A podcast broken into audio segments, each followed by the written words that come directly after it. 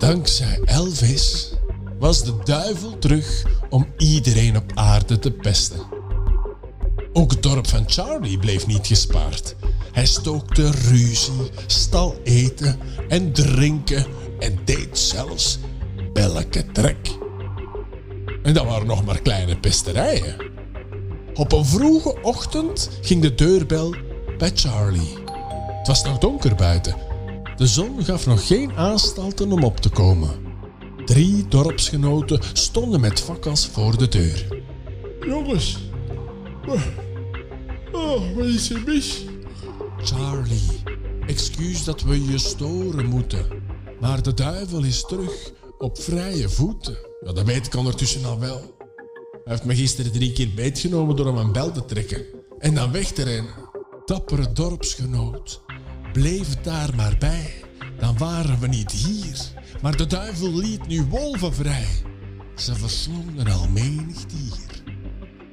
Charlie voelde de bui al hangen en begon lijkbleek uit te slaan. Ehm, ja, en wat kan ik daaraan doen? Oh, wat bedoel je, wat kan jij doen? Wij zitten dik in de puree. Jij bent verdorie de enige die ze weg kan jagen. Kom, kleed je gauw aan en kom mee. Charlie stond er verlamd bij. De gedachte om op zijn ukkie een echte roedel bloeddorstige wolven te lijf te gaan, deed hem duizelen. De dorpsgenoten trokken hem bij de arm en liepen richting de velden. Dorpshoofd stond hen op te wachten. Ginds, op de rand van de heuvel, zitten ze zeker en vast. Je moet op het geluid afgaan en best niet op de tast. Maar wat zeg ik toch allemaal? Jij weet best hoe je dit moet doen. Excuus, Charlie, onze held. Waar is mijn fatsoen? Ik neem mijn woorden terug. Ga maar alvast en wij dekken je in de rug. En voor hij het goed en wel besefte, stond hij oog in oog met een achttal wolven. En zoals Charlie reeds vermoedde, keken ze niet zo vriendelijk, die beesten. De grootste van de roedel kwam naderbij en begon nijdig te grommen. Charlie keek even om en zag de mannen in de verte hoopvol kijken.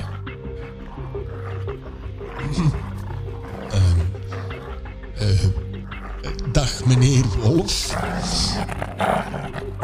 Oh, ex- excuseer, mevrouw Wolf.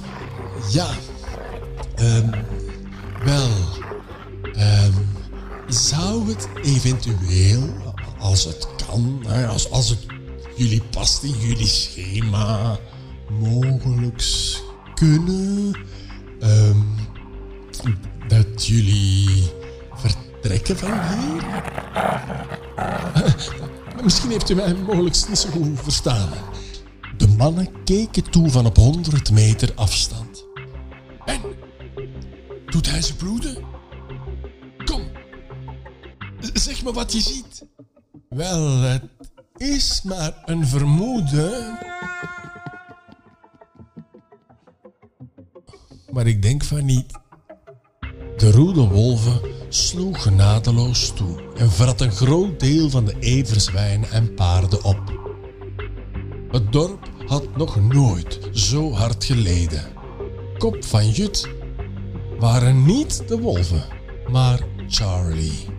Hij werd voor onbepaalde duur verbannen naar de vergeetput, omdat hij gelogen en bedrogen had.